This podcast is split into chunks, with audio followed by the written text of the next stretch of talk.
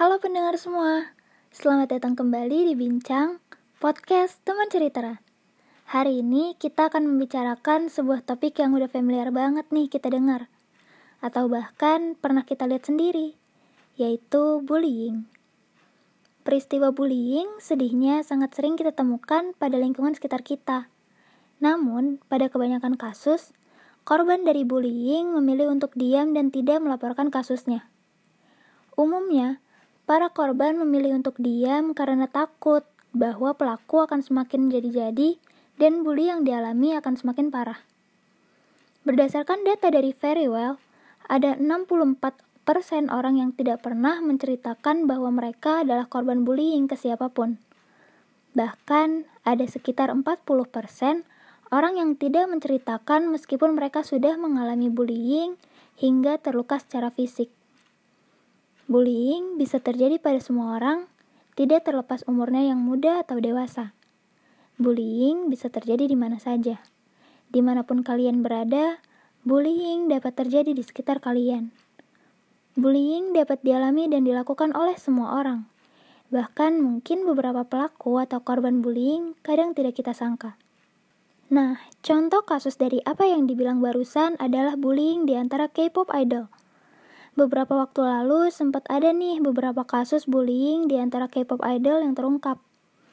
Mungkin ada beberapa dari kalian yang merasa kaget atau tidak menyangka mereka merupakan korban bully. Karena selama ini di media mereka hanya memperlihatkan penampilan terbaik mereka dan selalu memasang senyuman di depan semua media dan penggemar mereka. Hal ini membuktikan jika bullying bisa dialami oleh siapa pun. Tapi, dari kejadian bullying ini, ada sesuatu hal yang bisa dibilang cukup menyedihkan yang aku sadari nih.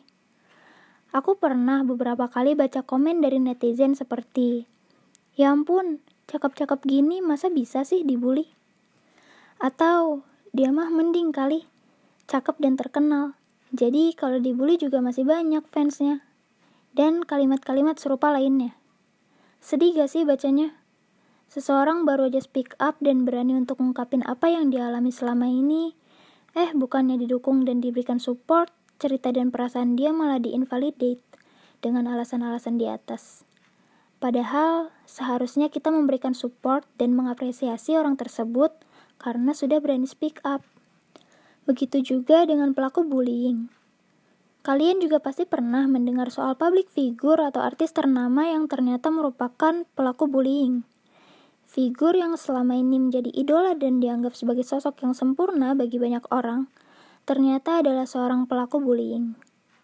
Namun yang sedih adalah banyak penggemar dari public figure yang merupakan pelaku bullying malah membela sang pelaku. Tidak sedikit pula yang malah mencela korban dan menuduh berbagai macam hal kepada korban. Duh, sedih banget gak sih? Kok bisa ya kepikiran untuk membela pelaku dan malah menyalahkan korban bully? Ingat ya teman-teman, walaupun idola kamu itu sumber motivasimu, atau idola kamu adalah salah satu alasan kebahagiaanmu, perilaku membuli itu tetap aja tidak benar. Jadi jangan dibela tuh. Nah, jadi berdasarkan beberapa contoh tadi, kita sekarang udah tahu kan kalau bullying bisa terjadi pada siapa pun dan siapa pun bisa menjadi pembuli. Pesanku untuk kalian yang mungkin pernah mengalami dibully, You are not alone. Jangan pernah kamu raguin diri kamu sendiri dan bertanya-tanya, salahku di mana sih? Kurangku apa? Karena you are enough. Kamu kuat banget. Terima kasih ya udah bertahan hingga sekarang. Dan pesanku untuk teman-teman lainnya yang mungkin pernah melihat kejadian bullying di sekitar kalian, jangan takut untuk membela ya. Karena dengan kamu membela korban, itu sangat membantu mereka untuk merasa lebih baik loh. Itu saja untuk episode kali ini. Semoga episode kali ini dapat bermanfaat untuk kalian semua. Sampai jumpa pada episode bincang selanjutnya.